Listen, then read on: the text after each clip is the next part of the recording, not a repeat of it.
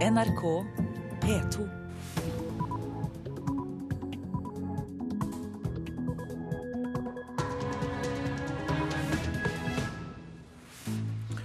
Nå klokka 6.30 tirsdag 18. mars er dette hovedsakene i Nyhetsmorgen. Kina har satt i gang søk også på eget territorium etter Malaysia Airlines-flyet som forsvant for ti dager siden. I Moskva skal president Vladimir Putin tale til nasjonalforsamlingen om Krim. Kaster han sine øyne på andre deler av Ukraina også, spør vi. Universitetet som lager anti-homo-rapport i Uganda, har fått 300 millioner kroner i støtte fra Norge. Vi kan ikke risikere at eh, norske skattepenger skal brukes til å, å sponse den type eh, propaganda. Andre nestleder i utenriks- og forsvarskomiteen, Christian Norheim fra Frp. Og vi skal også høre at Hollywood pumper ut filmer basert på dataspill.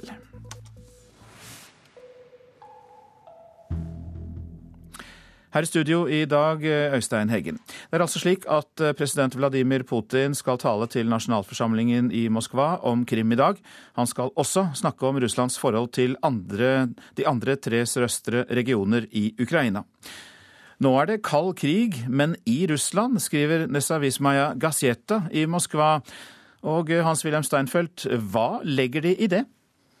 For å sitere Nesavismaja Gazeta i dag, så skriver avisen at den stormende jubelen etter at Krim sluttet seg til Russland i helgen, vil være kortvarig. Og de negative konsekvensene av Krems skritt som har ført til en splittelse i samfunnet, hvor de som er uenig med makthavernes politikk når det gjelder Krim, anklages for forræderi, vil være både langvarig og helt ødeleggende. Det er den indre kalde krigen, Kremls meningsterror. Slik at det Putin har gjort, fremmer uenighet innad i Russland? at den russiske intelligensiaen er i stivt sjokk over den nasjonalismen som har kokt over både på Krim og her i Russland. Spørsmålet jeg stilte innledningsvis Hans-Wilhelm Steinfeld, var hvorvidt Putin kommer til å kaste sine øyne på andre deler av Øst-Ukraina også. Hva svarer du?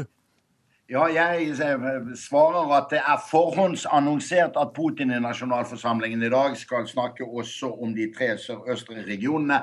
Da kommer han til å kreve at russisk språk skal være et offisielt språk der. Det er et krav fra den lokale befolkningen.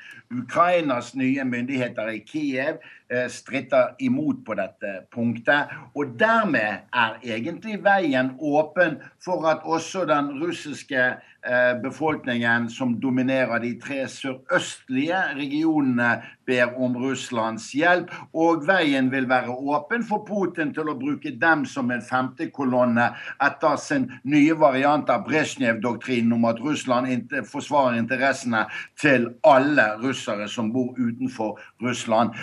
Hvorvidt det vil skje, gjenstår å se, men faren eksisterer åpenbart. Og skulle Putin kaste sine øyne og eventuelt annektere de tre sørøstlige regionene av Ukraina, så er det like dramatisk som da Stalin tok østre del av Polen i 1939. Krim vil jo koste Russland fem milliarder amerikanske dollar årlig. Det blir jo også en økonomisk utfordring, åpenbart? Ja, og mange russiske aviser minner om at underutviklede russiske regioner som Kemerova i Sibir kan komme til å by om fem milliarder, de også.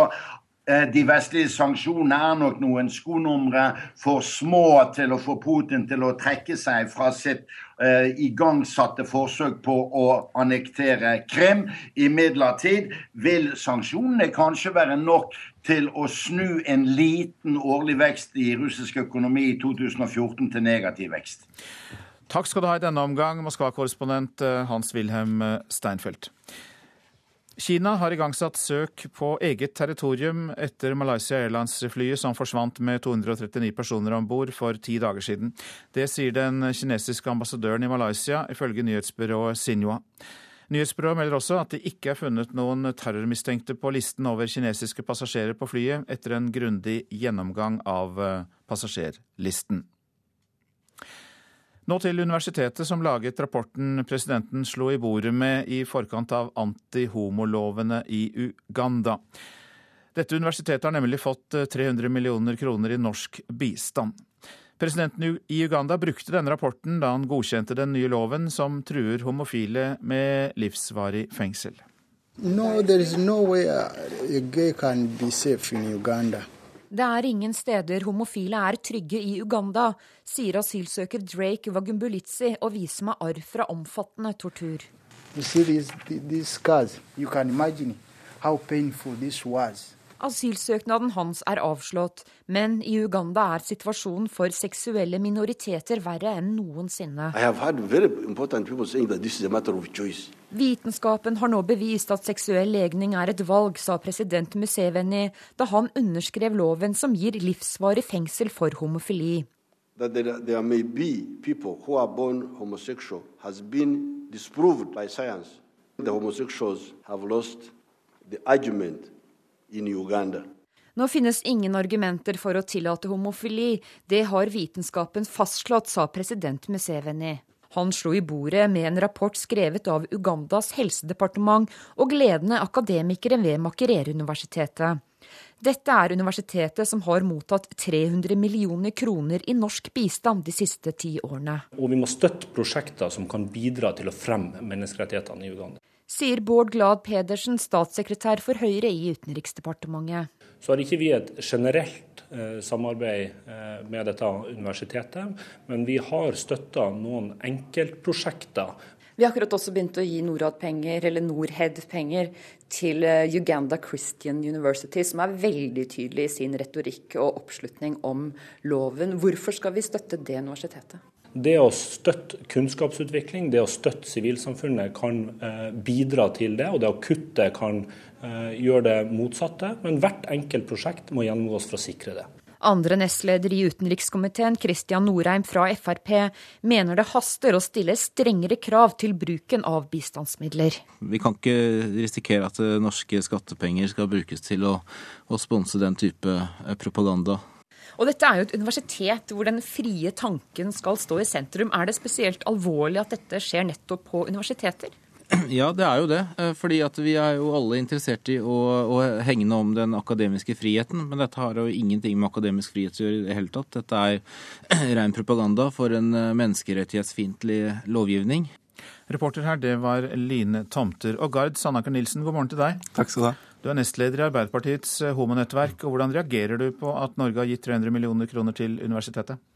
Det er jo forferdelig det som skjer i Uganda, og, at, eh, og det er kjempebeklagelig at norske bistandspenger bidrar til eh, å, å støtte miljøer som sprer hat, et hatbudskap, og, og gir grobunn for det, den forfølgelsen som nå skjer i Uganda. Det er klart at det er beklagelig. Men samtidig så er det jo slik at eh, man kanskje ikke bør innføre en regel om å kutte støtte til forskning vi ikke liker. Det er helt, eh, det er helt sant. Og, eh, og, det å støtte kunnskapsmiljøer, som, som ble sagt i saken, det, det, er viktig. For de bidrar til å utvikle samfunnet. Men her ser vi jo faktisk det motsatte. At man gir propagandaen legitimitet. Og det, det er klart at det, det er beklagelig. Så vi, vi ønsker at, eh, at, menneskerettigheter skal bli eh, et tydeligere kriterium i, eh, i når, norsk, når, Norge gir bistandspenger. Statssekretæren kom jo til orde med sin bekymring her, men han sa også at det er viktig å bidra til kunnskapsutvikling. Hva er din reaksjon? Og det, det er vi helt enig i, at det er viktig, viktig å bidra til kunnskapsutvikling. Men her er det som sagt Man gir legitimitet til en propaganda som sprer seg i mange afrikanske land. Eh, og det er mange kristne som, eh, som, bidrar til å spre dette. Og jeg er selv kristen og vet at eh, her bruker man budskap og argumentasjon på begge sider. Men Norge, når vi bidrar til å utvikle demokrati og menneskerettigheter, så må vi også støtte de miljøene som gjør det i de landene. Og da konkluderer du med at denne støtten til dette universitetet bør strykes? Det er ikke gitt, men, men på den måten som vi har gjort det nå, så er det åpenbart at vi ikke har vært forsiktige nok. Og vi må eh, sikre at de pengene vi gir, de går til faktisk demokratiutvikling i landet, og ikke bidrar til eh, å skape legitimitet for en forfølgelse som nå skjer. Hvordan skal man da få det til? Hvordan kan man bli forsiktigere og mer nøye med den hjelpen man gir? Det, det første er å eh, ekstra, gå Eh, gå enda tydeligere sammen med, med land, eh, samarbeidspartnere i de landene vi, vi jobber, f.eks. Uganda. Målgruppa, homofile og lesbiske, andre menneskerettighetsgrupper, og sjekke hvem er det som bidrar til å utvikle de, og hvem er det som kjemper imot de. Og så bidrar til å støtte opp de miljøene som bidrar til å, å utvikle landet i en god retning. Nå har vi snakket mye om Uganda. Er det andre prosjekter, andre land, som du mener at vi bør sette søkelyset på? Jeg har ikke en liste over, eh, over, land som vi burde være spesielt forsiktige med. Men vi ser nå i, i Øst-Europa så skjer eh, noe av det samme. I mange afrikanske land så er det eh, denne propagandaen som spres. Og da må vi være forsiktige, sånn at ikke vi bidrar til at spesielle grupper av mennesker i de landene Eh, blir forfulgt, eh, og at det skapes en legitimitet for den forfølgelsen. Eh, for da bidrar vi også til den forfølgelsen, og det er det siste vi kan gjøre. Takk skal du ha at du kom til Nyhetsmorgen, Gard Sandaker Nilsen fra Arbeiderpartiet. Så skal jeg si litt om det avisene har på sine forsider i dag. Jeg var dobbeltagent, sier tidligere venstrepolitiker Knut Ringstad til Aftenposten. Han lurte KGB og gjorde det motsatte av Arne Treholt. Da Sovjetunionen ville verve ham som spion, gikk Ringstad til politiets overvåkningstjeneste, går det fram av de nylig offentliggjorte lydopptakene fra, en, fra vitneforklaringen hans i Treholt-saken. Hackere jakter på norsk spissteknologi, skriver Dagens Næringsliv. De spionerer årevis før de blir avslørt, og angrepene mot norske bedrifter er målrettede. Det får avisen vise fra, vite fra Nasjonal sikkerhetsmyndighet. Dagsavisen er innom samme TV, skriver at fiendtlige dataangrep mot Norge er doblet de siste to årene og forekommer daglig. Forsvarsindustri, teknologibedrifter og myndighetsorganer er utsatt. Valla valser opp med Arbeiderpartiet, skriver Klassekampen. Tidligere LO-leder Gerd Liv Valla mener reservasjonsretten for leger ikke truer selvbestemt abort, og at Arbeiderpartiet og SV har drevet skremselspropaganda. Det er farlig å rope ulv, ulv, sier Valla. Anklager Norge for abortmisjon, skriver Vårt Land. Norge prøver å presse sin seksuelle ideologi på resten av verden, sier en omstridt leder for en amerikansk tankesmie. Norske bistandsmyndigheter kaller organisasjonen hans for aggressiv, og sier den forsøker å sette arbeidet for kvinners rettigheter 20 år tilbake. Pengesporet svekker mistanken mot den arresterte polititoppen Eirik Jensen, sier hans advokat til Dagbladet. Ikke noe tyder på at han har mottatt ulovlige inntekter, sier forsvarer Jens Ove Hagen til avisa. Mangler 28 millioner liter melk, skriver Nasjonen. Melkeleveransene har falt kraftig det siste halvåret. Grasmangel førte til slakting og mindre melk, men Tine frykter likevel ikke et nytt kriseår. Omsetningssvikt og nedleggelser på Sørlandssenteret skriver Fedrelandsvennen om. Flere butikker i den eldste delen av senteret sliter etter utvidelsen i fjor. Det er superdødt her, med stengte og tomme butikklokaler rundt oss, sier butikkleder Susanne Berge.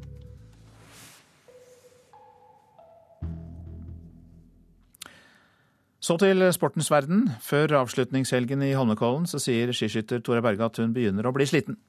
NRKs ekspert Ola Lunde er nøktern optimist, men ser at Berge ikke har fulgt opp supersesongen fra i fjor har ikke gått fullt så fort på ski i år som gjort eh, gjorde i fjor. Da hadde hun supersesongen sin. Så uh, hun er nok ikke nå i sånn kjempeform, men uh, hun er vel helt grei form. og hvis hun klarer å skjøtte bort noe fullt hus på de i helga, så har hun en god sjanse der. Jeg begynner å bli sliten etter en lang sesong, så det skal bli godt å komme seg til Oslo og slappe av der noen dager før torsdagen. Nå gjenstår bare én verdenscuphelg i karrieren til Berger. 57 poeng skiller det i verdenscupsammendraget opp til Mekkerain. Det er mye som kan skje fortsatt, og sjøl ser jo da at uh, Kajsa reiser jo mer og mer ifra. Men uh, det er jo fortsatt, uh, fortsatt muligheter, men da må jeg gjøre veldig gode løp. Ola Lunde tror muligheten er der. Hvis Mekkerain gjør en veldig dårlig sprint og Tora gjør en supersprint, så har plutselig Tora et veldig godt utgangspunkt både på sprint og på jaktstart, som skal gjøre at hun er med og, og kjemper om seieren. Reporter her, det var Patrick Steen Rolands. Dette er Nyhetsmorgen, og klokka den er snart eh, kvart på sju. Vi har disse hovedsakene. Universitetet i Uganda, som laget anti-homorapport for presidenten, har fått 300 millioner kroner i støtte fra Norge.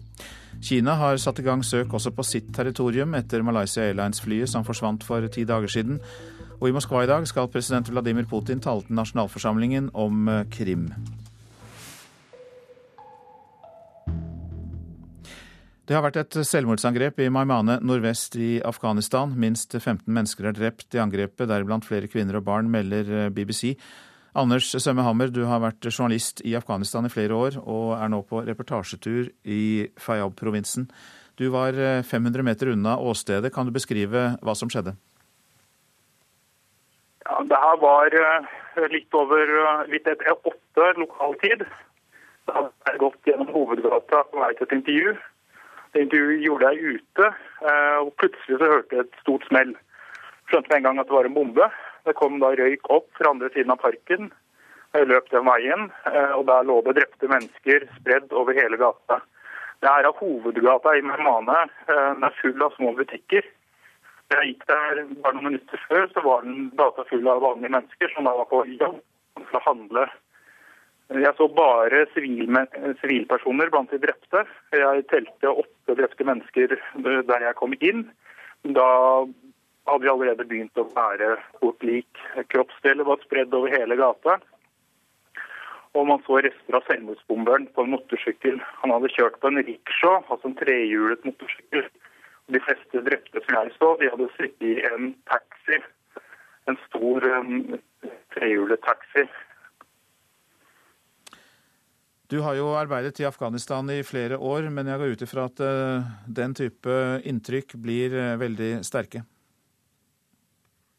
Ja, det er helt forferdelig. Altså, det er helt grusomt. om man så i dag at det her var gjort for å gjøre det verst mulig. Altså, det var rettet mot sivilpersoner. Det var ingen rette politimenn eller soldater, som jeg så. Uh, man vet at når man stenger en bombe i den gata, så er det først og fremst uskyldige sivile som vil bli drept.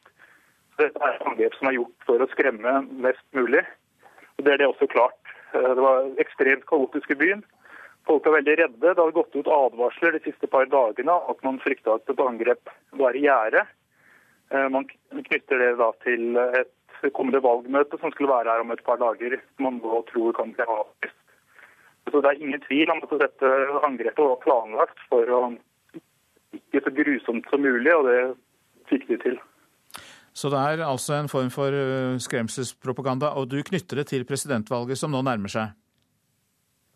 Ja, det er de meldingene jeg har fått. Så jeg ble selv pågrepet på åstedet av etterretningen. Det var, uh, var, full panikk der. Uh, men det som blitt fortalt fra etterretning her, er at man tror at dette var et angrep som ble gjort for å, for å avlyse et valgmøte som var planlagt om to dager. For man hadde fått meldinger, og man hadde gjort ransakelser her i et hus for et par dager siden hvor han fant eksplosiver. og altså fire unge menn så overgrepet. Så det var varslet, men samtidig så er det umulig å i hvert fall ofte umulig å forhindre denne type angrep, fordi det er angripere som er villige til å sprenge seg selv, og de gjør det ute blant vanlige mennesker. Takk skal du ha, Anders Sømme Hammer, som også rapporterte til oss eh, fra Maimana i uh, Faryab-provinsen, der dette angrepet skjedde nå i uh, morgentimene. En tankbil med 18 000 liter lut mistet kontrollen og kjørte i fjellveggen på rv. 5 i Sogn og Fjordane seint i går kveld. Seks personer er evakuert fra hjemmene sine, og veien er stengt ved Hatleneset mellom Florø og Førde.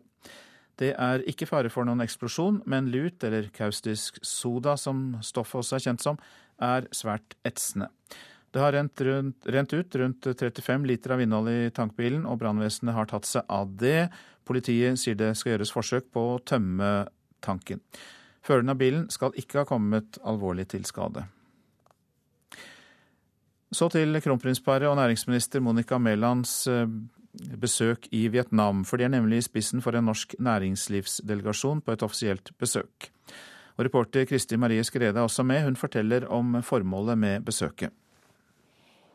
Norsk næringsliv har fått øynene opp for Vietnam og eh, fått med seg nå eh, Næringsdepartementet, UD og eh, kongehuset på en tredagers offensiv i Vietnam for å hjelpe norske bedrifter inn i denne markedet, som er sterkt veksende, og som derfor er blitt enda mer interessant for norsk næringsliv enn tidligere. Er det noe på programmet som du har bitt deg merke i? Det går veldig mye i, i næringsliv. Eh, de skal, skal, møte mange bedrifter som, eh, som, prøver å komme seg inn i, i, markedet her, og som håper at eh, dette besøket skal være den lille nøkkelen til å få inngang. Vietnam er jo ikke et lett land å etablere seg i for bedrifter, heller ikke norske. Særlig når en tar med seg norske etiske verdier og norske krav til å ikke godta korrupsjon.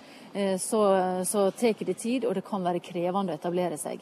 Men med ministre og kongelige på laget, så er det mange som håper på et ekstra puff i, i rett retning i disse dagene. Hvor aktivt eh, vil du si at eh, norsk næringsliv er i Vietnam i dag? De har en del bedrifter her og hatt det i flere år. Innovasjon Norge har vært her siden 2006. Eh, og her er etablert bedrifter innenfor eh, olje, gass og særlig fisk. Nå er det flere som håper å, å nærme seg Vietnam og etablere seg her, fordi at eh, skipsindustrien eh, er i stor grad flytta til Asia. Eh, så flere norske bedrifter, som bl.a. en bedrift vi besøkte i går som heter Vino Marine, eh, de har bygd opp sin egen fabrikk her for å produsere deler som de skal levere til skipsindustrien. Være nær det store markedet som er her i området, og, og dermed eh, sikre sin, sin egen eh, eksistens i, også i, i, Norge. Nå er jo Vietnam eh, en ettpartistat. Eh, hvordan håndterer den norske delegasjonen det? De håndterer det diplomatisk, er rette måten å si det på. Eh, det er visepresidenten som har invitert eh, kronprinsparet hit. Eh, og kronprinsparet skal rundt og møte både statsminister, visepresident, president og lokale styremakter både her i Hanoi, i Hue og i Ho Chi Minh. Nå er jo da dette først og fremst et næringslivsbesøk. Det er det inntrykket jeg får når jeg snakker med deg, Kristi Marie Skrede. Men hva blir kronprinsparets rolle midt oppi dette? De skal være døråpnere og knytte kontakter og være de som får folk til å, å snakke i lag. Men de skal òg torsdag en tur til Hue, der flere norske eh, frivillige organisasjoner er etablert. De skal se på både Kirkens Nødhjelp sitt arbeid, eh, Norsk Folkehjelp sitt mineryddingsarbeid og Fotballforbundet sitt arbeid for, eh, blant barn og unge. Eh, de driver en organisasjon som heter Football for all, så de skal også få møte den delen av det norske engasjementet i, i Vietnam. Men det er veldig mye næringsliv, veldig mye det å få hjelpe norske bedrifter inn i den store markedet som Vietnam er, som er fokuset på dette besøket. Sa reporter Kristi Marie Skrede, som jeg snakket med like før sending. Flere hundre millioner mennesker må trolig flykte fra hjemmene sine pga. klimaendringer mot slutten av dette århundret, skriver FNs klimapanel i en ny rapport. Det er utkastet til denne rapporten den britiske avisen The Independent har fått adgang til. Hovedårsaken til flyktningstrømmen er at havnivået stiger. Arbeiderpartiet misliker at det skal etableres en kristen privatskole i Groruddalen i Oslo. Partiet mener det er fare for at kristne elever vil flykte fra den kommunale skolen der. Det sier nestleder i utdanningskomiteen i bystyret, Andreas Halse. For meg er det jo ikke viktig om denne skolen er kristen eller muslimsk eller jødisk eller buddhistisk eller ateistisk eller hva det nå skulle være. Det viktige for meg er at jeg tror det er best for Oslo eh, og for hele landet om barn med alle disse forskjellige bakgrunnene går sammen i en felles skole. Målsetninga er ikke å være med å skape et større skille. Målsetninga er å på en måte skape et positivt mangfold. Sier Arild Langtind, som er leder for foreldregruppen for kristen skole i Groruddalen. I går fortalte NRK at flesteparten av de ti privatskolene i Oslo opplever søknadsboom, og at eh, ikke alle barna som vil gå på privat skole, får plass. Heller ingen av skolene ligger i Groruddalen. Det vil Langtind og de andre foreldrene endre på. Eh, Målsettinga er å på en måte forhindre eh, ja, den bussinga som en del ressurssterke familier gjør ut av Groruddalen i dag med sine barn. Eh, der ønsker vi virkelig å på en måte nå inn mot den gruppa.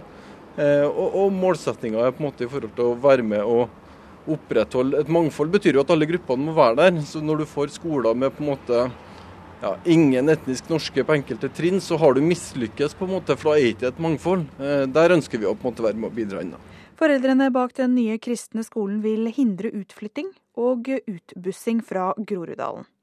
Men Halse tviler på at de klarer det. Eh, jeg har vel begrensa tiltro til det.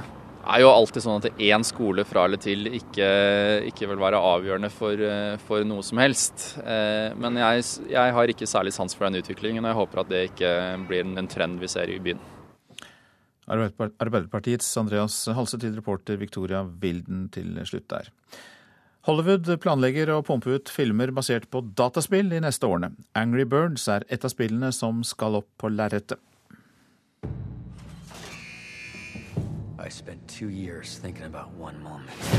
På fredag hadde filmen Need for Speed premiere på norske kinoer. En film basert på en større data- og TV-spillserie, som handler om å kjøre fort i bil.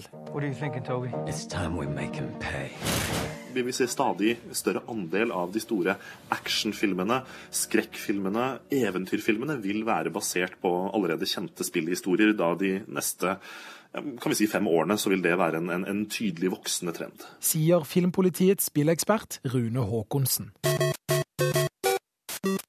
Siden det kjente Nintendo-spillet Super Mario Bros. kom ut som film i 1993, er det blitt laget hele 29 filmer basert på video- og dataspill. 18 av dem de siste ti årene. Og flere vil det bli. Er det noen data- eller TV-spill du har spilt opp igjennom som du kunne ønske det ble laget film av? The Sims. Ja, det hadde vært gøy å sette Angry Birds eh, som film. Det, med et uh, godt nok uh, manus så hadde det kunnet bli artig, det. Og minst en av disse tilfeldig forbipasserende vil få ønsket sitt oppfylt. Et tyvetalls filmer basert på spill er nå under planlegging eller ventet på kino i løpet av de neste årene. Blant dem World of Warcraft, Gram Turismo og i 2016 kommer også filmversjonen av det kjente mobilspillet Angry Birds. Det sier jo noe om hvor sterke disse merkevarene er. At Angry Birds, som i utgangspunktet er et veldig enkelt spill, nå skal bli til en film. Et, et godt univers og en god historie, den, den bør egne seg for flere plattformer. Tinkertown er kreativ produsent ved norske Ravn Studio, som utvikler spill til alle plattformer. Selskapet har gjort mange filmer om til spill, men foreløpig ikke omvendt. Det har jo kommet veldig mange spill, flere og flere, syns jeg, med veldig bra storyline og bra historier. Som selvfølgelig vil egne seg for, for film også. Folk som ikke er så glad i å lese bøker, sier jo gjerne at ja, jeg venter til filmen kommer. Og folk som da ikke har 40 timer å investere i et spill, vil kanskje si det samme. Det venter til filmen kommer. Ja, og reporter her, det var Christian Ingebretsen. Nå til værvarselet. Fjell i Sør-Norge, liten kuling i høyfjellet. For det meste skyet, litt snø av og til, mest i sør. Østland og Telemark får skiftende skydekke, oppholdsvær, utpå dagen spredt regn og snø i høyereliggende strøk i nord. Agder får for det meste skyet vær i dag, litt regn av og til, mest i vestlige områder. Rogaland liten kuling utsatte steder i indre strøk, regn og snø i høyden. Hordaland først på dagen vestlig liten kuling i indre strøk, perioder med regn i Hordaland, snø i høyereliggende strøk. Sogn og Fjordane enkelte regnbyger, snøbyger i indre strøk og i høyden, fra i formiddag stort sett opphold. Møre og Romsdal enkelte snøbyger, sluddbyger på kysten. Trøndelag også enkelte snøbyger. Fra i formiddag oppholdsvær i nord. I kveld kommer også oppholdsværet til det sørlige Trøndelag. Nordland og Troms enkelte snøbyger på kysten. Ellers for det meste opphold og til dels pent vær. Så går vi til Finnmark. Snøbyger i kyst- og fjordstrøkene. Ellers oppholdsvær og perioder med sol. Nordensjøland på Spitsbergen. Perioder med stiv kuling på kysten. Delvis skyet oppholdsvær. Temperaturene som da ble målt klokka fire i natt. Svalbard lufthavn minus åtte, Kirkenes minus 16. Varde har vi ikke fått inn, dessverre, men vi har Alta med minus 12, Tromsø-Langnes minus 7, Bodø minus 8, Brønnøysund minus 4. Så er det null grader i Trondheim-Værnes, og det samme i Molde. Bergen-Flesland tre grader. Stavanger seks, Kristiansand-Kjevik to, Gardermoen minus to, Lillehammer minus fem. Røros, Røros minus åtte, og Oslo-Blindern hadde minus to grader da klokka var fire.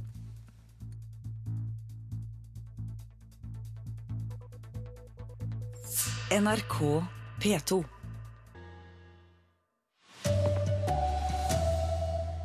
15 mennesker er drept i et selvmordsåtak i den afghanske byen Maimane. Norsk journalist forteller om grusomme syn. Og her hjemme drukner helseminister Bent Høie i høringsfråsegner om reservasjonsrett. Her er NRK Dagsnytt klokka sju. Minst 15 mennesker er altså drepne i et selvmordsåtak i den afghanske byen Maimane nordvest i landet. Frilansjournalist Anders Sømmehammer er på reportasjetur i området. Han var 500 meter unna eksplosjonen. Plutselig så hørte jeg et stort smell. Skjønte med en gang at det var en bombe. Det kom da røyk opp fra andre siden av parken. Jeg løp den veien, og der lå det drepte mennesker spredd over hele gata. Det er av hovedgata i Mermane. Den er full av små butikker. Da jeg gikk der bare noen minutter før, så var den gata full av vanlige mennesker som da var på jobb for å handle. Jeg så bare sivilpersoner blant de drepte. Kroppsdeler var spredd over hele gata. Og man så rester av selvmordsbomberen på en motorsykkel. Tankbilen som kjørte i en fjellvegg på rv. 5 i Sunnfjord sent i går kveld, er nå tømt for lut. Det var 18 tonn kaustisk soda i tankbilen, og fire hus i nærheten ble evakuerte etter kollisjonen. Stoffet er ikke eksplosjonsfarlig, men kan være farlig å få på seg og puste inn. Mesteparten av luten er nå overført til en annen tankbil. Politiet arbeider med å få åpna veien mellom Florø og Førde, i Sogn og Fjordane altså. Helseminister Bent Høie har fått nesten 500 høringsfråsegner fra privatpersoner på framlegget om å gi fastleger høve til å reservere seg mot å tilvise til abort. Fagfolk kan ikke huske å ha sett tilsvarende engasjement i andre høringsrunder. Og høringsfristen for dette framlegget går ut 30. april. Kinesiske styresmakter har, trass i grundig gransking, ikke funnet noen med terrortilknytning blant kineserne som reiste med det forsvunne Malaysia Airlines-flyet. Det sier den kinesiske ambassadøren i Malaysia. Kina har satt i gang leiting på kinesisk territorium etter flyet, som forsvant for ti dager siden. Over halvparten av passasjerene om bord var kinesiske. De kabintilsatte i flyselskapet Norwegian blir overført til et nytt selskap, Cabin Services Norway AS. Overføringa skjer om to uker. Administrerende direktør i Norwegian Air Shuttle, Bjørn Kjos, og styreleder for det nye selskapet, Christer Ornio, har sendt et brev til alle kabintilsatte i Norge om at de blir overført til det nye selskapet. NRK Dagsnytt, Silje Sande. Dette er Nyhetsmorgen, vi fortsetter med disse sakene. Kriminelle har større mulighet enn noen gang til å sabotere viktige samfunnsinstallasjoner, mener Nasjonal sikkerhetsmyndighet. Utenriksdepartementet fraråder norsk næringsliv å etablere seg i Vest-Sahara. Nok et selvmordsangrep i Afghanistan hørte vi om i Dagsnytt. Hvilket Afghanistan forlater vi? Røde Kors og Flyktninghjelpen sier sin mening om det i Nyhetsmorgen. Og strenge krav til voksne som vil bli fagarbeidere, må jobbe fem år for å ta fagbrev.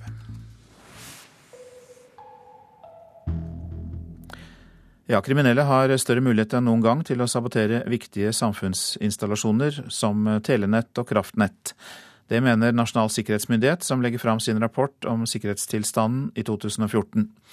Det gjør de i dag. Og årsaken er at trusselen, til at trusselen øker, er at alt er knyttet til internett. Da går vi inn på operasjonssenteret, som er der vi koordinerer de hendelsene vi er en del av. I operasjonssentralen til Nasjonal sikkerhetsmyndighet på Bryn i Oslo har overingeniør Fredrik Fjell en hel vegg dekket av skjermer som viser aktivitet på internett. Sikkerhetsmyndigheten har sensorer ute i datasystemene til viktige samfunnsaktører, slik at de kan overvåke mulige angrep. Og de kommer tett. Mange ganger hver eneste dag. Det skjer kontinuerlig.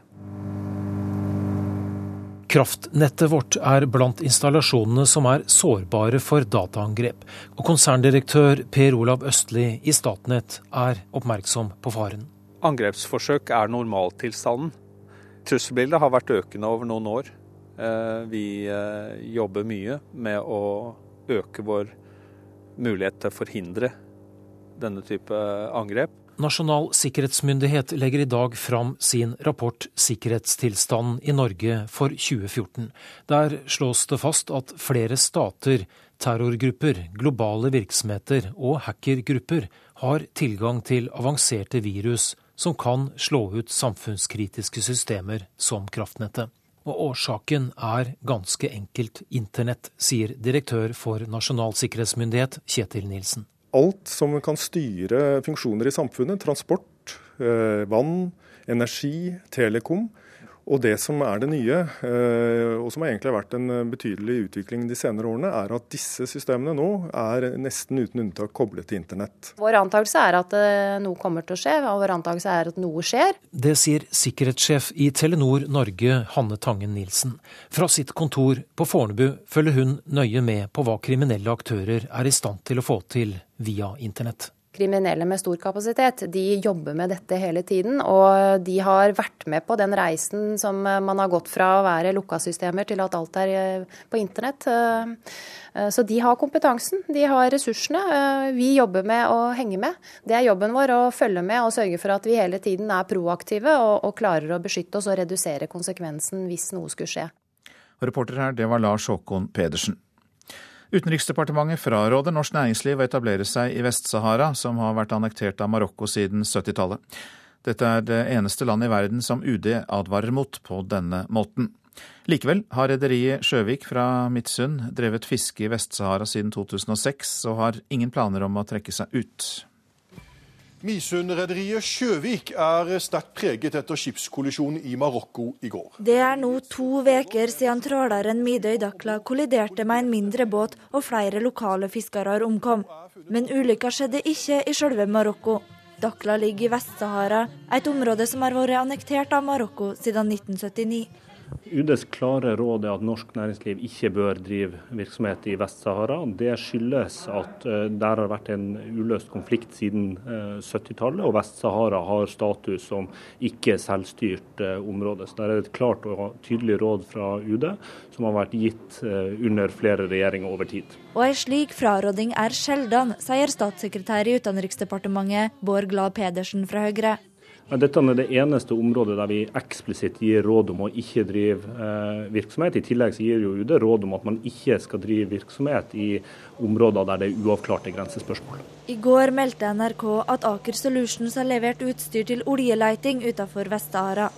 Aker sier at de ikke ville inngått denne avtalen dersom de hadde visst hvor boreriggen skulle brukes. Rederiet Sjøvik forsvarer derimot at de driver fiskeri i samme område.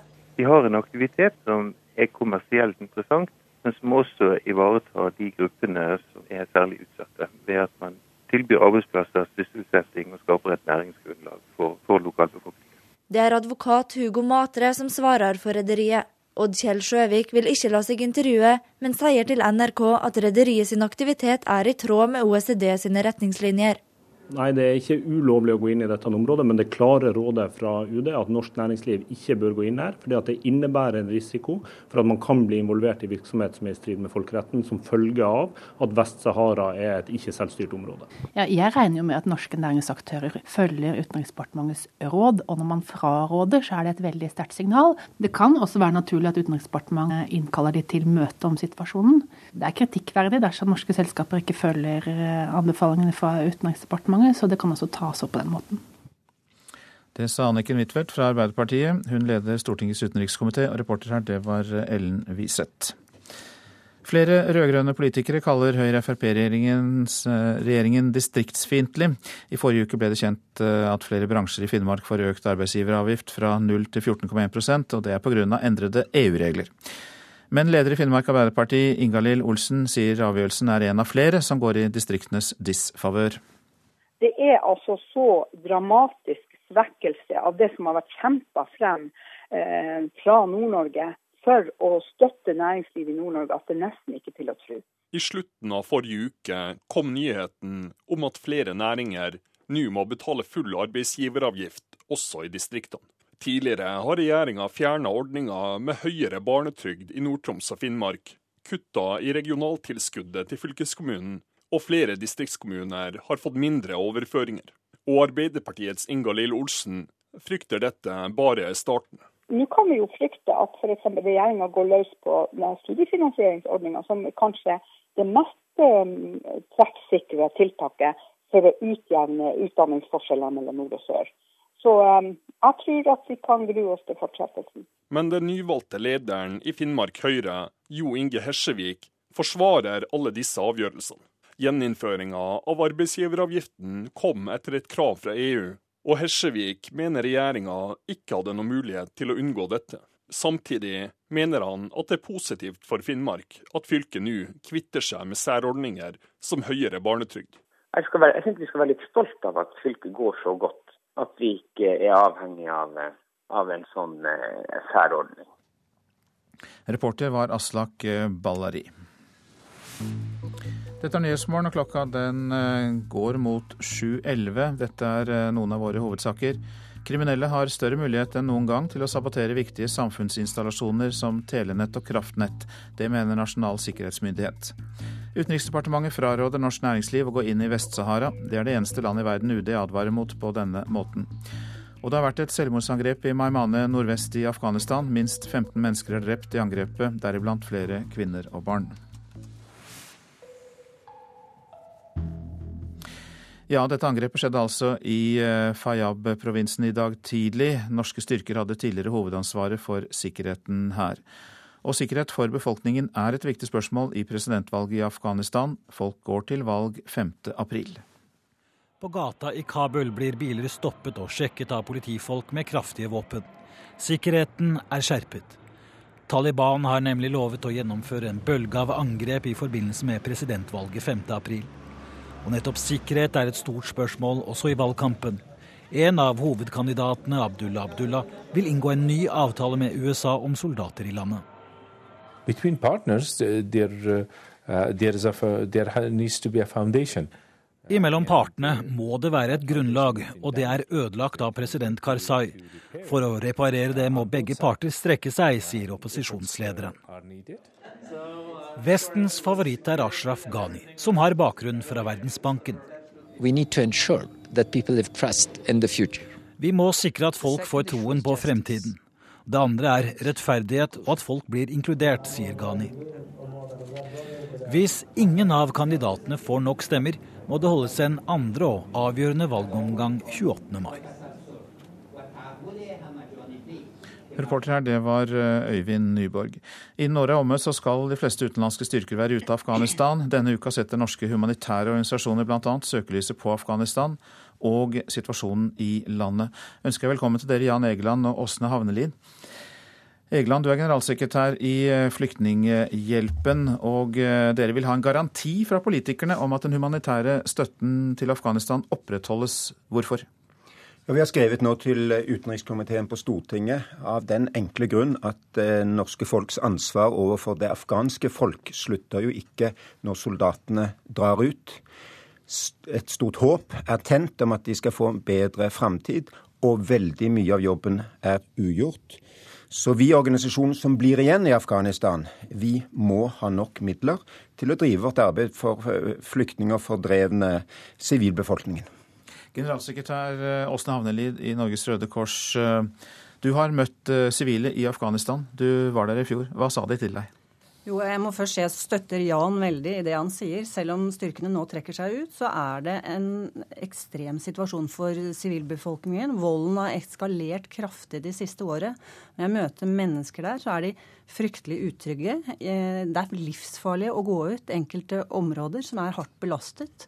Sivilbefolkningen får ikke helsehjelp fordi på vei til klinikken så er det kanskje veisperringer, eh, det er miner, eh, det ligger eksplosiver som ikke er detonert.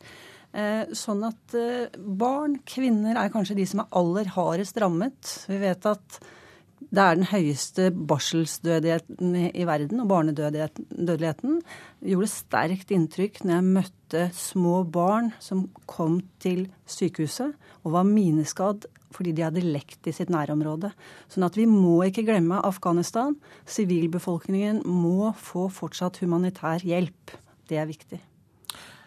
Jan Egeland, eh, vi hørte jo eh, i nyhetene for noen minutter siden om en, eh, en selvmordsangrep i Maimane, der norske styrker var. Hvordan vil du beskrive situasjonen da de norske styrkene kom, og når de norske styrkene drar? Ja, Som en ekstremt vanskelig sikkerhetssituasjon når de kom, og på mange måter en ekstremt vanskelig sikkerhetssituasjon når de drar. Jeg var i Afghanistan i november.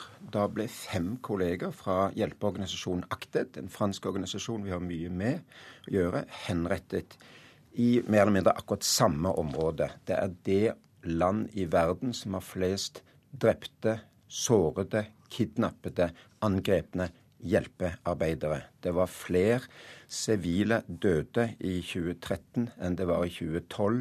Det var flere fordrevne mennesker, altså internt fordrevne mennesker pga. krig og uro, i fjor enn i året før. På mange, på mange, områder har pilen gått i gal retning. Men det er ikke, det er ikke mangel på håp. Eh, vi når ut til hundretusener hver eneste eh, uke. Vi kan, både Røde Kors, Flyktninghjelpen og de andre organisasjonene, gjøre veldig mye. Vi har faktisk utvidet de provinsene hvor vi driver vår virksomhet. Vi går inn i mange av de steder hvor soldatene drar ut. Det er skrekkelig å høre om det som skjedde bl.a. i dag, som vi hørte beskrevet tidligere i sendingen. Dere krever en garanti for å opprettholde det humanitære hjelpearbeidet. Men la oss ta det som Egeland sluttet med, Åsne Havnelid. Hvilke glimt av håp er det du ser i det arbeidet dere driver i Afghanistan? Ja, vi jobber også tett opp mot eh, afghansk Røde Halvmåne. Eh, vi har skolert 20 000 frivillige i førstehjelp også mange kvinner, som jobber da i sine små lokalsamfunn som kanskje er avskåret fra verden ellers i Afghanistan. Vi har mobile helseklinikker som reiser ut eh, til de som ikke kan komme seg til sykehus. Sånn at vi har også et håp, men vi må ikke glemme dem. Vi må fortsatt gi humanitær hjelp, for sivilbefolkningen har utrolig behov. Vi ser også at fattigdommen øker. Eh, fordi mange hadde jobb i forbindelse med de utenlandske styrkene. Eh, det kan igjen øke kriminaliteten, også at eh, tilknytning til ulike væpnede grupper. Sånn at vi må fortsette å hjelpe og ha press på at også andre land opprettholder sin humanitære hjelp til sivilbefolkningen. Du beskriver noen strukturer og systemer eh, som dere jobber med, og som da kanskje er blitt bedre enn de var. Eh, hvordan kan dere sikre dere at de blir opprettholdt og ikke sabotert og ødelagt? Altså det som er viktig, Røde Kors er en nøytral og uavhengig organisasjon. og de, de, har også en stor respekt i Afghanistan gjennom afghansk Røde Halvmåne. Men vi ser jo også et stort press og utrygghet på mange eh, humanitære organisasjoner. Det er farlig. Det er eskalert eh, volden og konflikten den siste tiden. Flere og flere Sett så mye som 60% økning i våpenrelaterte skader hos sivilbefolkningen. Og også på humanitære aktører. Men vi må ikke gi opp. Vi må fortsette. Og gjennom våre frivillige i Røde Kors-bevegelsen så når vi ut også til de som ikke kommer seg til sykehus eller annen hjelp. Jan Egeland, som navnet sier, dere driver med flyktninger. Hvordan er flyktningsituasjonen i Afghanistan? La oss avrunde der nå.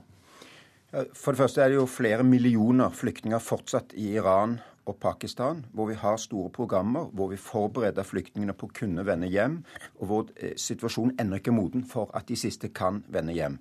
I eh, Afghanistan har vi mottatt de humanitære organisasjonene, Kirkens Nødhjelp også blant oss, mottatt millioner. Eh, disse har eh, kommet i gang med nye liv, ofte på nye steder. Eh, de har håp for framtiden.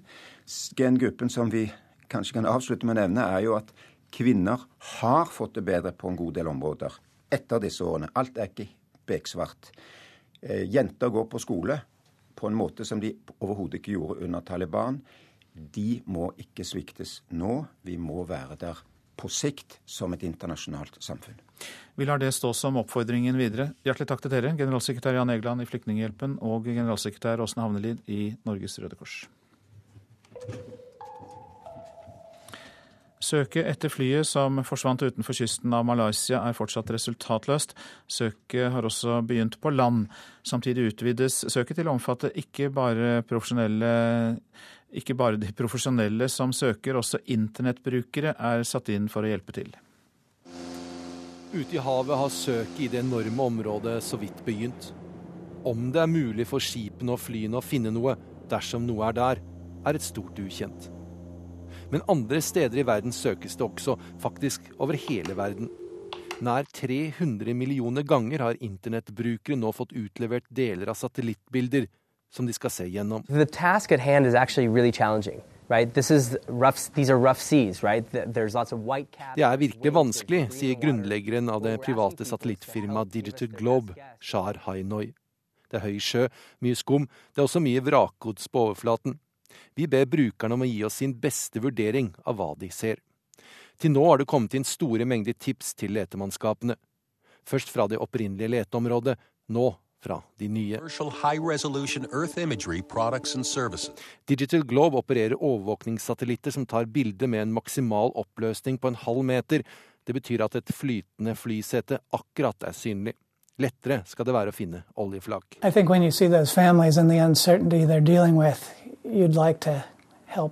jeg ser familiene, så ønsker jeg veldig gjerne å hjelpe, forteller Joss Calder, som er en av de mange som nå bruker ledig tid til søket. So C-130 can only cover 30 square kilometers in eight hours. Well, we can get the satellite to take a picture of a, of a 2000 square kilometer swath. Denne måten å organisere et letearbeid på er aldri gjort før. Men metoden, det som kalles crowdsourcing, brukes til oppgaver der tusener eller millioner av internettbrukere kan samarbeide om en løsning. Og mens de mange frivillige fortsetter sitt søk, søkes det også på land. Forsvant flyet over land, så er det mest sannsynlig at det gikk ned et eller annet sted i den vestlige delen av Kina. Kinesiske myndigheter sier de nå har satt i gang søk på land. Kina melder også at det ikke er knyttet noen terrormistanker til noen av deres statsborgere som var om bord i flyet. Samtidig kommer avisen New York Times med informasjon som styrker mistanken mot besetningen på flyet, eller styrker mistanken om at det som har skjedd, er en kapring. For den aller første endringen av kursen vekk fra målet, Beijing, ble gjennomført ved å taste inn sifferet i en datamaskin om bord. Altså ikke en mulig teknisk feil. Og en slik kursendring må ha blitt gjennomført av noen som har grundig kjennskap til flyet, ikke en som bare vet hvordan spakene fungerer. Samtidig er det også klart at verden kanskje aldri vil finne ut nøyaktig hva som skjedde. Systemet om bord som tar opp lyder fra flykabinen, tar bare vare på de siste to timene. Og flyet fortsatte kanskje så lenge som sju og en halv time etter at det forsvant fra radar. Ja, det sa utenriksmedarbeider Halvard Sandberg. Så til eh, avisene her hjemme. Jeg var dobbeltagent, sier tidligere venstrepolitiker Knut Ringstad til Aftenposten. Han lurte KGB og gjorde det motsatte av Arne Treholt. Da Sovjetunionen ville verve ham som spion, gikk Ringstad til politiets overvåkningstjeneste, går det fram av de nylig offentliggjorte lydopptakene fra Ringstads eh, vitneforklaring i Treholt-saken.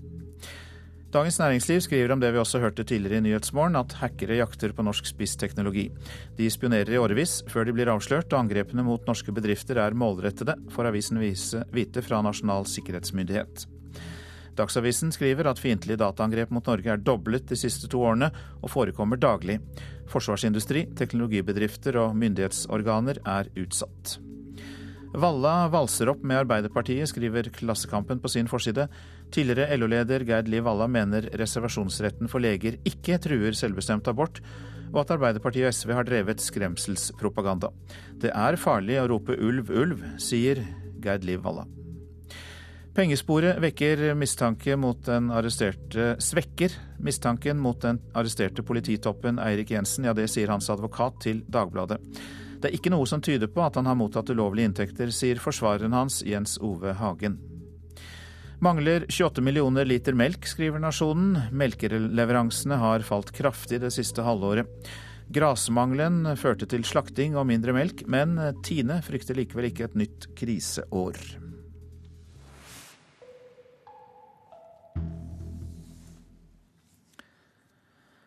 Haramsøy legekontor på Ytre Sunnmøre måtte være en uke uten fasttelefon pga. en feil hos Telenor 9.3.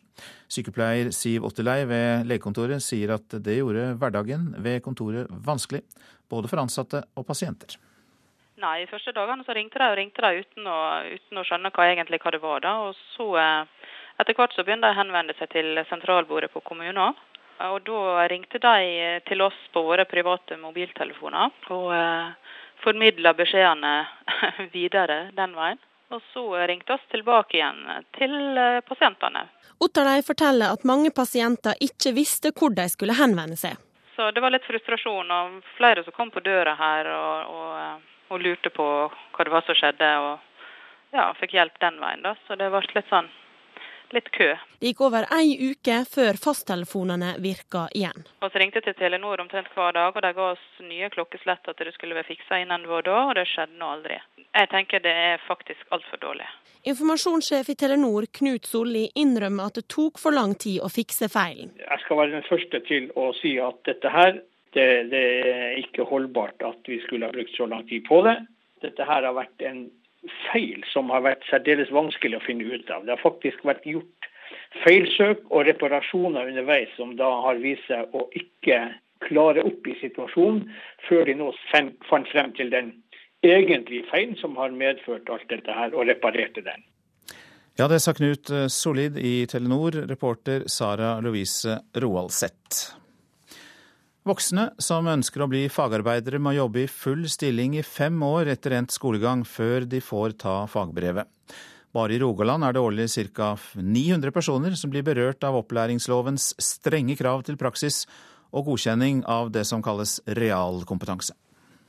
Jeg tok eh, barne- og ungdomsarbeider. Jeg eh, tok all den teoretiske delen der. Og ja, nå sliter jeg jo med at jeg får ikke godkjent eh, den praksisen jeg har hatt fra før innen barne, barne- og ungdomsarbeid.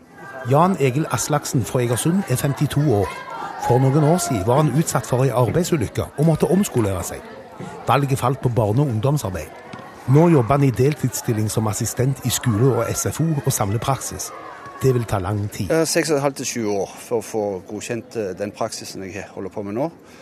Eh, det ble jo veldig feil, for at eh, hadde en visst dette på forhånd, så er ikke sikker han hadde gjort det valget en har gjort. Er ikke sikker jeg hadde satsa på barne- og ungdomsarbeid. Opplæringsloven krever at voksne som tar utdanning til fagbrev, må ha fem år med 100% stilling før de får ta fagprøven uansett fag.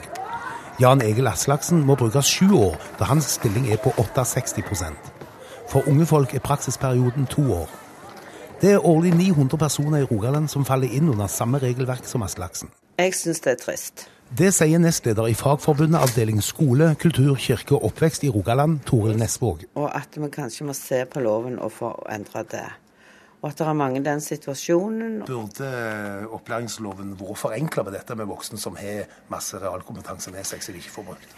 Det må jo da konsekvensutredes, og så må det en lovendring til. Og det eneste Fagforbundet kan gjøre da, det er å påvirke politisk for å få dette til. Er dere villige til å gjøre det?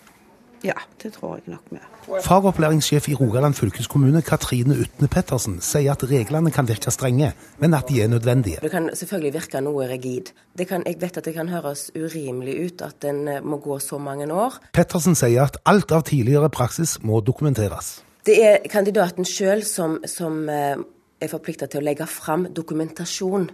Eh, og den bør i størst mulig grad være skriftlig fra tidligere arbeidsgiver, så skjønner jo vi òg at en praksis som du gjerne hadde for åtte-ti år siden, kan det være vanskelig eh, å gå tilbake og få dokumentasjon for. Men de fleste vil jo ha en attest. Vi vurderer òg, hvis en skriftlig eh, beskriver hvor en har vært, og omfanget på altså størrelsen, så vil vi òg ta det med i vurderingen. Og vi strekker oss jo langt innenfor lovverket for at folk skal komme gjennom og gå opp til, et, et, opp til en fagprøve og få et fagbrev. Jan Egil Aslaksen oppfylte kriteriene, men fikk likevel ikke godkjent fem år med praksis innenfor barne- og ungdomsarbeid, da det var for 15 år siden. Hvis jeg hadde fått godkjent den gamle praksisen min, så hadde jo jeg begynt fra dag én. Så det vil si fire år siden så kunne jeg eh, fagarbeidere. Hva vil du si til andre som er voksne og som eh, eh, vurderer å gjøre sånn som du i voksen alder, eller må gjøre det? Hvis, eh, hvis, det skulle bli aktuelt for noen andre, så vil jeg be de sjekke opp eh, reglementet veldig nøye. Ikke godta at eh, du ikke får noe svar før du er ferdig med alt. Ja, det rådet fikk vi fra Jan Egil Aslaksen, og reporter var Øystein Ellingsen i eh, Egersund, altså. Du lytter til eh, Nyhetsmorgen. For 60 år siden var det Nikita Khrusjtsjov som overførte Krimhalvøya fra Russland til Ukraina. I USA sitter Khrusjtsjovs barnebarn og har lite til overs for oppførselen til dagens russiske leder Vladimir Putin. Mer om det i reportasjen etter Dagsnytt. I Politisk kvarter er raskere utbygging av Europavei 18 et av temaene. Samferdselsminister Ketil Solvik-Olsen møter Arbeiderpartiets Eirin Sund. Ja, produsent for Nyhetsmorgen i dag, det er Ingvild Ryssdal. Her i studio, Øystein Heggen.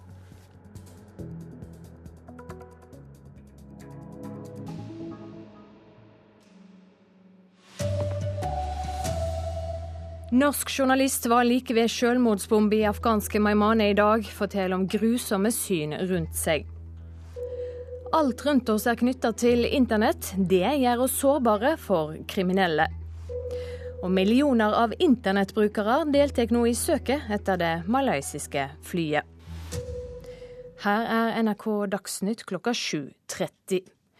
I Afghanistan er altså minst 15 mennesker drept i et selvmordsåtak i byen Maimane nordvest i landet. Og frilansjournalist Anders Sømmehammer, du er på reportasjetur i området og var like ved eksplosjonen i dag. Hvordan opplevde du det? Jeg var på vei til et intervju klokken åtte i morges. og hadde da nettopp krysset hovedgaten her i Maimane eh, og var så vidt i gang med et intervju da det smalt kraftig. Jeg skjønte med en gang at det var en bombe.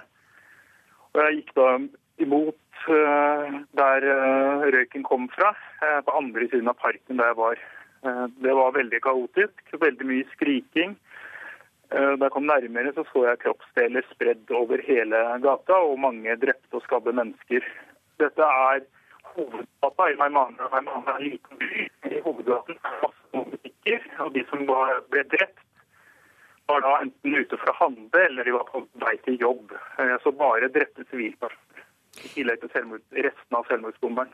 Eh, tror du det var planen å ramme sivile? Ja, jeg, jeg ble ført rett av etterretningspolitiet etter hvert. Og det de fortalte, var at de hadde fått mange advarsler om at noen var i byen for å gjennomføre et angrep. For et par dager siden så hadde de beslaglagt eksplosiver og arrestert fire menn men de var på jakt etter flere. Eh, og Det politiet sier, er at de tror angrepet var rettet mot et planlagt valgmøte her om to dager. og at Meningen med angrepet i dag var å skremme, skremme folk bort fra det møtet, og slik at møtet ble avlyst. Eh, det er ingen tvil om at det angrepet ble gjennomført for å drepe sivile mennesker og ha en så grusom som mulig. Ville man ha ramma politiet eller militæret her i byen, så ville man slått et annet sted, ikke midt på markedet. Dette var jo den norske provinsen i Afghanistan. Kort, hva har skjedd der etter at de norske soldatene trakk seg ut? Det har vært en ganske ekstrem forverring av sikkerhetssituasjonene her de siste årene. Det var fullt i gang mens de norske soldatene var her, men i perioden da i etterkant har det blitt enda verre. Eh, jeg var her sist for fire måneder siden. Da var, det, eh, var sikkerhetssituasjonen elendig. Eh, og det er den fortsatt. Altså, folk er veldig redde. Og Det er veldig masse attentater og angrep her. Takk skal du ha, Anders Sømmehammer. Og Vi skal hjem igjen og høre at det er større fare enn før for at terrorgrupper kan ta kontroll over viktig nasjonal infrastruktur som kraftnett, telenett og jernbane. Det mener Nasjonalt tryggingsorgan, som presenterer sin årlige rapport i dag. Samfunnet blir sårbart fordi alt er knytta til internett. Da går vi inn på operasjonssenteret. Her har vi en eh, relativt stor skjermvegg, som er kommunikasjonsskjermen. Fredrik Fjell viser hvordan Nasjonal sikkerhetsmyndighet følger med på datatrafikken i Norge på jakt etter unormale hendelser, Frykten for at ukjente aktører skal ta kontroll med vesentlig infrastruktur, som f.eks. kraftnettet, er økende, sier direktør for Nasjonal sikkerhetsmyndighet Kjetil Nilsen. Det blir flere og flere nå som får eh, evne og verktøy for å ta seg inn i prosesskontrollsystemer, for å, med den potensielle mulighet til å, å gjøre skade. Sogn trafostasjon er en av flere som sender elektrisk kraft ut til Oslo. Statnett vet at det er mulig for uvedkommende å trenge inn i styringen av kraftnettet, sier konserndirektør Per Olav Østli. Trusselbildet har vært økende over noen år. Eh, vi eh, jobber mye med å øke vår mulighet til å forhindre denne type angrep. Også telenettet er i økende grad utsatt for å bli infiltrert av kriminelle aktører som kan gjøre skade eller ta kontroll. Det sier sikkerhetssjef i Telenor Norge, Hanne Tangen Nilsen. Vår antakelse er at eh, noe kommer til å skje, og vår antakelse er at noe skjer. Og at vi hele tiden sørger for å kunne redusere konsekvensene av det. Reporter her Lars Håkon Pedersen. 300 millioner norske bistandskroner har gått til et universitet i Uganda som påstår at folk kan velge sjøl om de er homofile eller ikke. En rapport fra universitetet ble brukt av presidenten i det afrikanske landet da han eh, godkjente den nye lova om livsvarig fengsel for homofile. Vitenskapen har bevist at seksuell legning er et valg, sa presidenten da han signerte lova. Det har fått store konsekvenser for homofile i Uganda. No, there is no way a gay can be safe in Uganda. Det er ingen steder homofile er trygge i Uganda, sier asylsøker Drake Wagumbulitsi og viser meg arr fra omfattende tortur. You see these, these scars, you can imagine how painful this was. Asylsøknaden hans er avslått, men i Uganda er situasjonen for seksuelle minoriteter verre enn noensinne.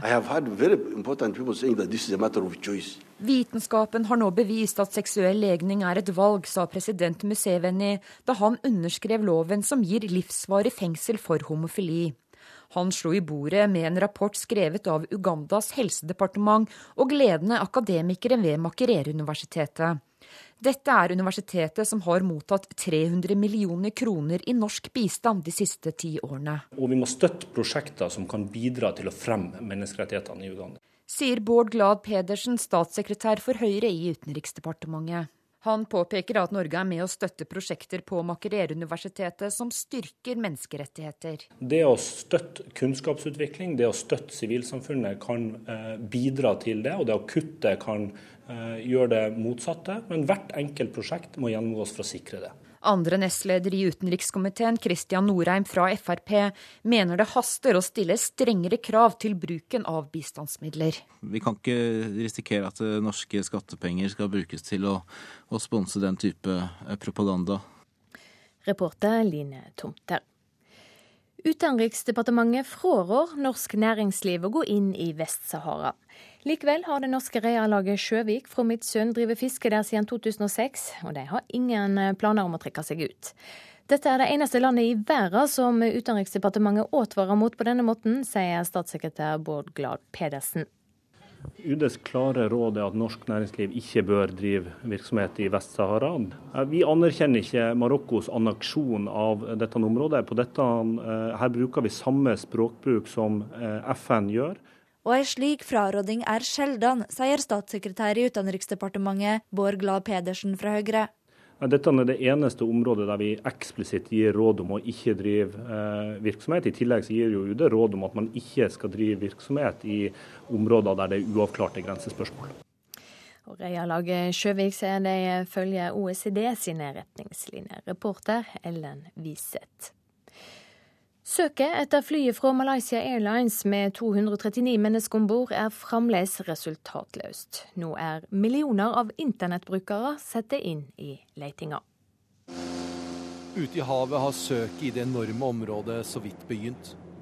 Om det er mulig for skipene og flyene å finne noe dersom noe er der, er et stort ukjent. Men andre steder i verden søkes det også, faktisk over hele verden. Nær 300 millioner ganger har internettbrukere nå fått utlevert deler av satellittbilder som de skal se gjennom. Really right? rough, seas, right? Det er virkelig vanskelig, sier grunnleggeren av det private satellittfirmaet Digital Globe, Shahar Hainoi. Det er høy sjø, mye skum, det er også mye vrakgods på overflaten. Vi ber brukerne om å gi oss sin beste vurdering av hva de ser. Til nå har det kommet inn store mengder tips til letemannskapene. Først fra det opprinnelige leteområdet, nå fra de nye. Digital Globe opererer overvåkningssatellitter som tar bilde med en maksimal oppløsning på en halv meter. Det betyr at et flytende flysete akkurat er synlig. Lettere skal det være å finne oljeflak. I think when you see those families and the uncertainty they're dealing with, you'd like to når jeg ser familiene, så ønsker jeg veldig gjerne å hjelpe, forteller Joss Calder, som er en av de mange som nå bruker ledig tid til søket.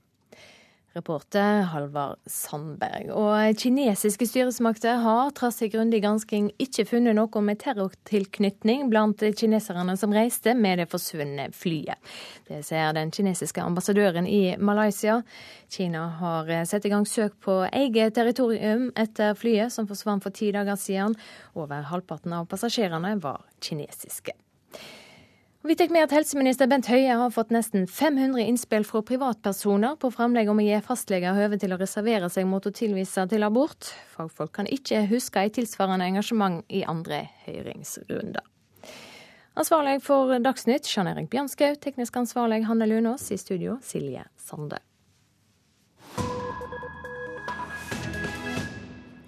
Og dette er Nyhetsmorgen. For 60 år siden var det Nikita Khrusjtsjov som ga Krimhalvøya fra Russland til Ukraina. Nå ser Vladimir Putin ut til å være i ferd med å ta gaven tilbake.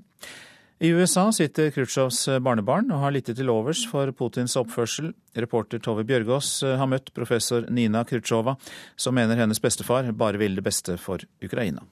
I think his fondness of Ukraine also played a part, uh, because he felt that they really suffered from Stalin's policies of, of great, great famine in the early 30s. Then they had to feed most of the USSR after World War II. Han var så glad i Ukraina, og syntes nok han skyldte folket der noe etter alt de hadde gjennomgått under Stalin-tida. Hungersnød og store ødeleggelser, sier Nina Khrusjtsjova. had uh,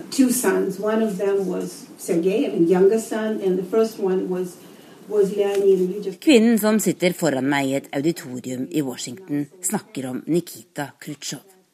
Sovjetunionens øverste leder fra 1953 til 1964. Khrusjtsjova har noen av sin oldefars trekk. For henne var han faktisk bestefar. For da hennes egen falt ved fronten i 1943, adopterte Khrusjtsjov Ninas to år gamle mor. Nina Khrusjtsjova husker sovjetlederen godt fra da hun var liten. formal lunches, many, many people, and I'm sure some of them were very important. I just didn't know that. Um, he would allow me to sit under the table, and I would entertain myself by biting people's ankles. Jeg fikk sitte under bordet under viktige lunsjer med viktige mennesker og bite gjestene i beina. Uh, and so he was the only one who thought it was cute. Nobody else did. Nikita Khrushchev's American tour swings into the world's best corn country. Khrusjtsjov var den første sovjetlederen som besøkte USA. Og i dag er flere av etterkommerne hans akademikere her. Nina Khrusjtsjova er professor i internasjonal politikk ved New School i New York og en aktiv samfunnsdebattant. Hun deler sin bestefars temperament og bruker det gjerne til å kritisere Putins Russland. That's my great, great uh, problem with him is that he really reverts us back to to where we were and where we didn't want to be, and even further than even the Soviet Union. Because Han har ført Russland langt tilbake i tid. Han har ødelagt demokratiet som var i ferd med å vokse fram, sier hun. We don't think anybody is more her i USA har utenriksminister John Kerry gjentatt sine trusler om sanksjoner mot Russland flere ganger de siste dagene.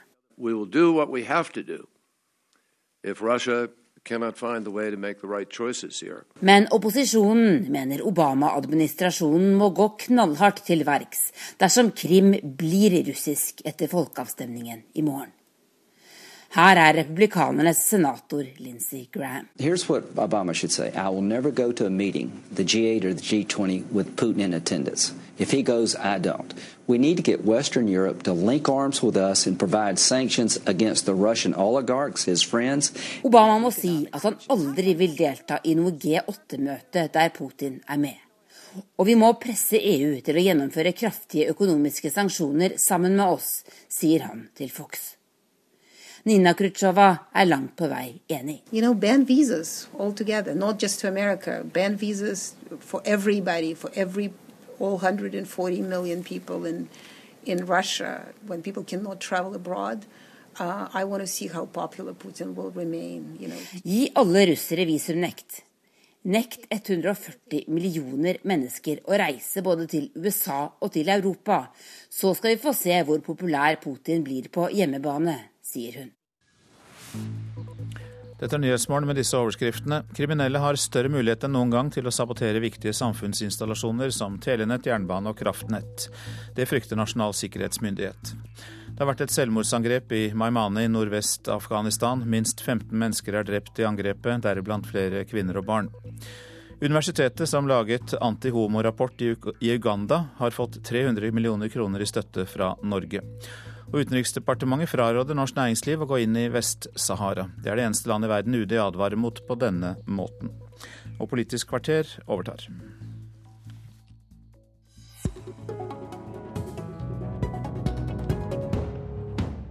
Veibygging døgnet rundt skal løse E18-korken. En ny måte å tenke veibygging på, sier samferdselsministeren. Han bare pøser på med mer penger, svarer opposisjonen.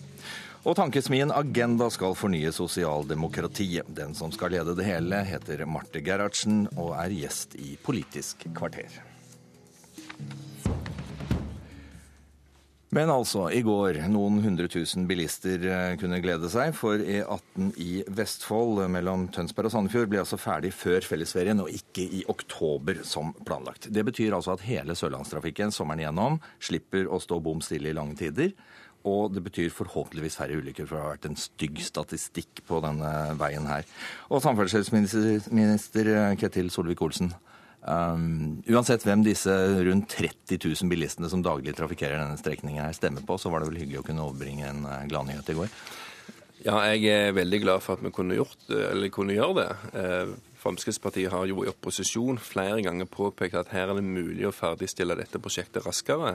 Vi har fått nei hver gang. Nå sitter vi i posisjon, og da kan vi faktisk gjøre noe med det.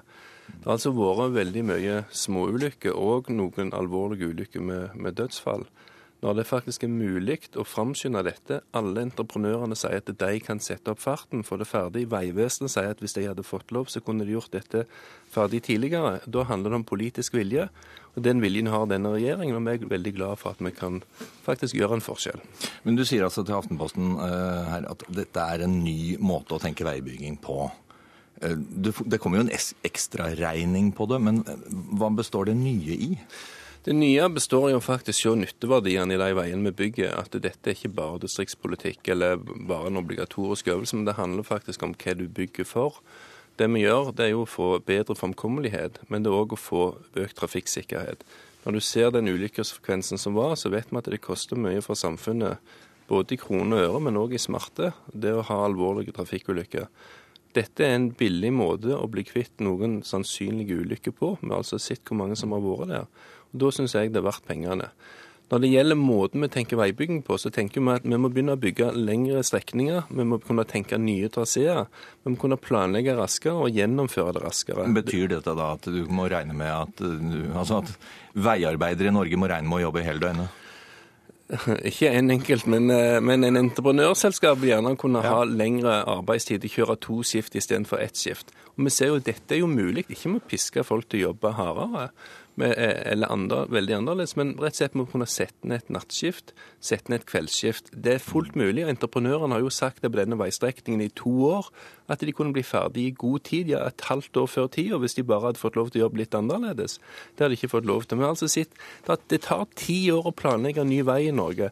Vi bygger stykkevis og delt. Det betyr at istedenfor å kunne tenke nye traseer, så bygger du alltid rundt de gamle. fordi at du, skal, du bygger en halv, halv mil om gangen, og da må du stort sett slutte å begynne der dagens vei går. Ved å tenke annerledes, ved å få på plass et eget veiinvesteringsselskap, ved å få opp dette infrastrukturfondet som allerede begynte å bygge opp, ved å planlegge annerledes, så kan vi gjøre ting på en bedre måte. Det vil både bilistene og skattebetalerne, som ofte er de samme folkene, få glede av. Som regel så er det jo ja. det. Eh, Eirin Sund, du sitter i, eh, i, transportkomiteen på Stortinget for Arbeiderpartiet. Du har vært mer skeptisk til hvor mye nytt dette er, og at, snarere at samferdselsministeren bare bruker en del mer penger? Ja, først vil jeg si at Arbeiderpartiet også er veldig glad for eh, at eh, entreprenørene på denne strekningen har muligheten til å bygge dette før, og at statsråden da finner penger til å få, få, få dette gjort. Men det, men det, å på en måte prøve å skape dette til et bilde at det er en ny måte å bygge på, det syns jeg er å dra det veldig langt. Det er altså sånn at det er ikke mer enn en måneds tid siden at statsråden ble gjort oppmerksom på av entreprenørene på denne strekningen at de kunne bygge dette raskere hvis de bare fikk mer penger på bordet. Nå har statsråden sett på det, og det skulle bare mangle at han ikke hadde gjort, for det er jobben hans å gjøre.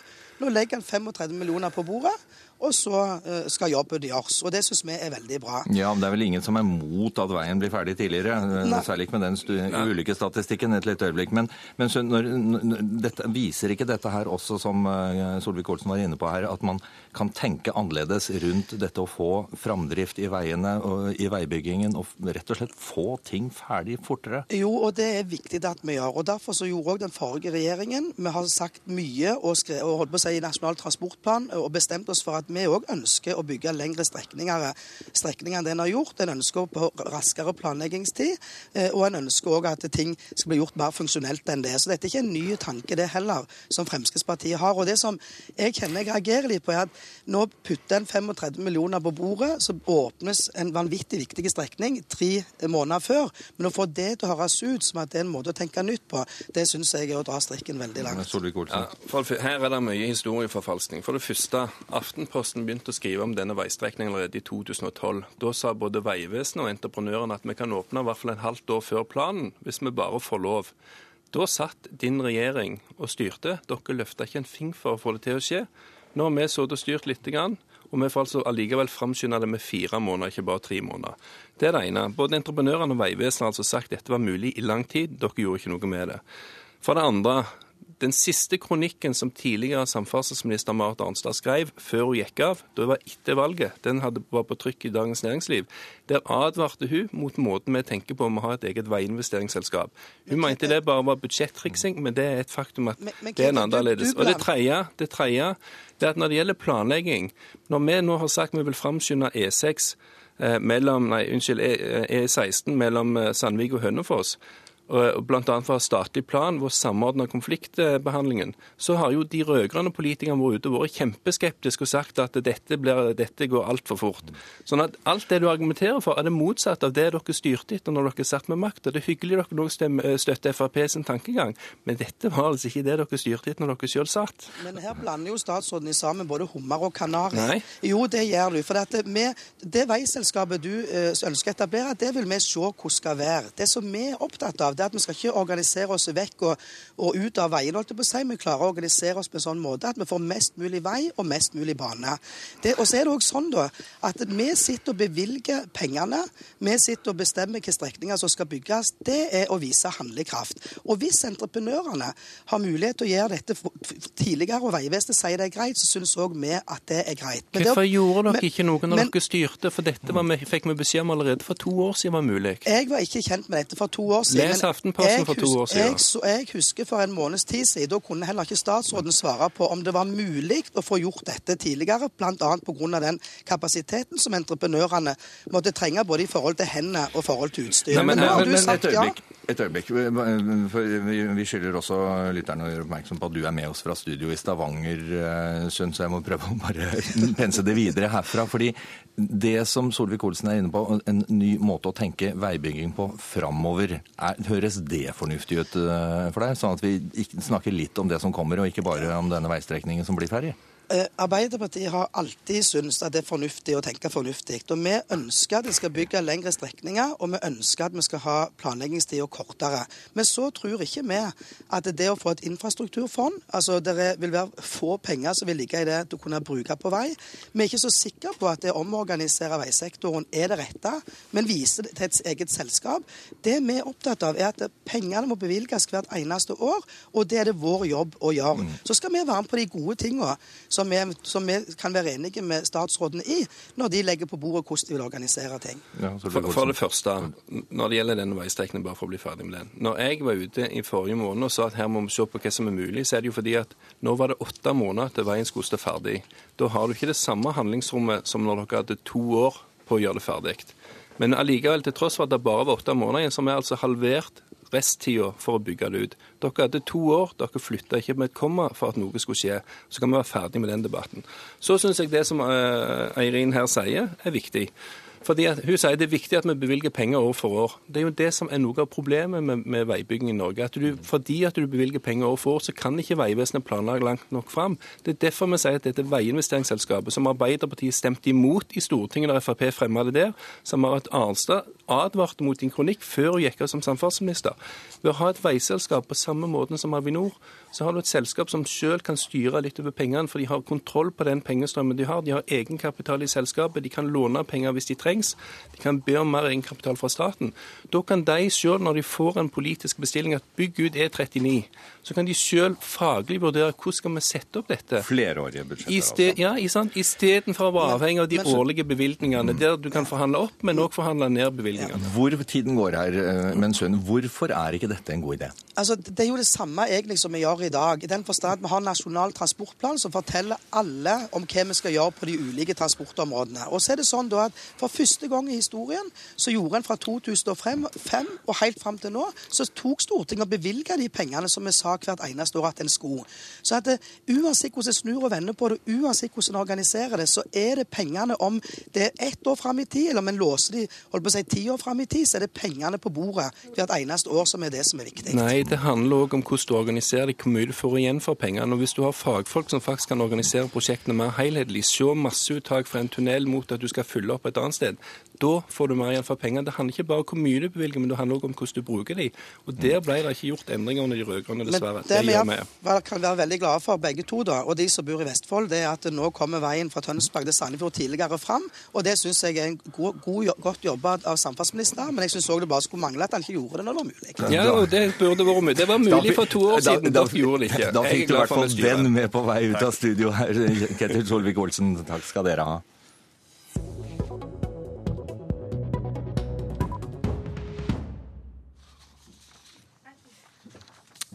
Ved hjelp av noen millioner fra LO og enda flere millioner fra sosialdemokrat og mangemilliardær Trond Moen kom tankesmien Agenda på beina fra nyttår. I dag får den ny sjef. Marte Gerhardsen, gratulerer. Tusen takk. Velkommen til Politisk kvarter. Takk skal du ha.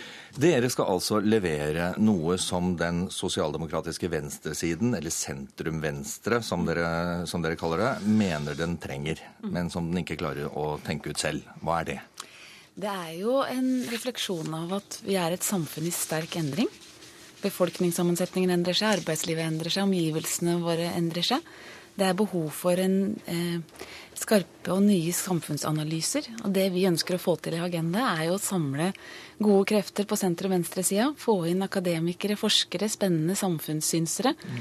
Og tenkere eh, som skal være med å analysere de utfordringene vi står overfor, og peke på nye løsninger og muligheter. Ja, nettopp. Peke på nye løsninger og muligheter. For det, mm. dere skal jo ikke være noe utredningsinstitutt. Dere skal jo tenke, dere skal smi tanker om politikk som skal ende opp i politikk. Det må jo være vitsen, er det ikke? Ja, vi, skal jo ikke, vi er jo ikke politikere. Eh, jeg er ikke politiker. Eh, vi skal eh, peke på nye løsninger, reise problemstillinger, og så blir det partienes oppgave å ta det videre.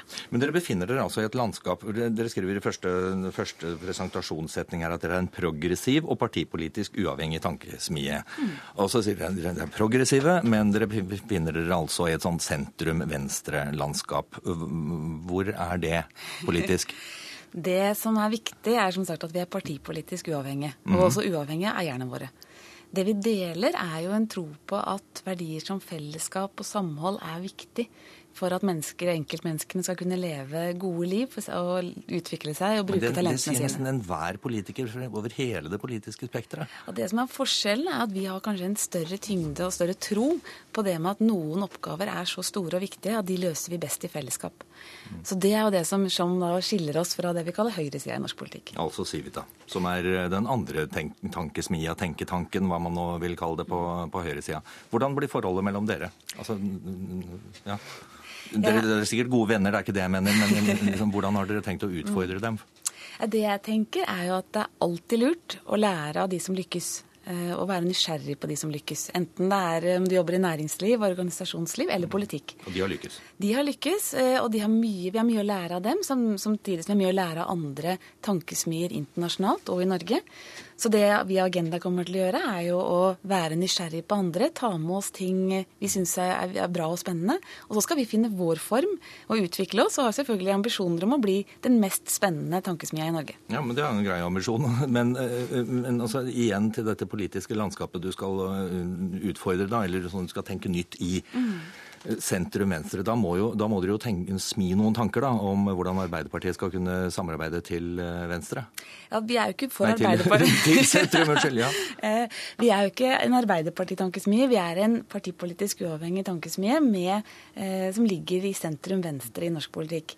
Eh, så vårt mål er jo å dra sammen gode krefter som, som, deler noen verdier. Og så skal vi lage gode samfunnsanalyser, peke på nye løsninger, nye muligheter. Og så er det da politikernes oppgave å ta dette videre og se om vi kan bruke det til å, å bygge en plattform. Mm, da må Men, jo dere også være ganske konkrete? Vi skal både være, tenke stort, ikke sant? Eh, men samtidig skal vi også prøve å ta tak i de enkeltsakene som dukker opp. Men det som er viktig, er at det skal være kunnskapsbasert, og det skal være faktabasert. Takk skal du ha, Marte Gerhardsen. Gerhardsen. Det var det vi rakk i Politisk kvarter. Jeg heter Alf Hartken. Takk for oss.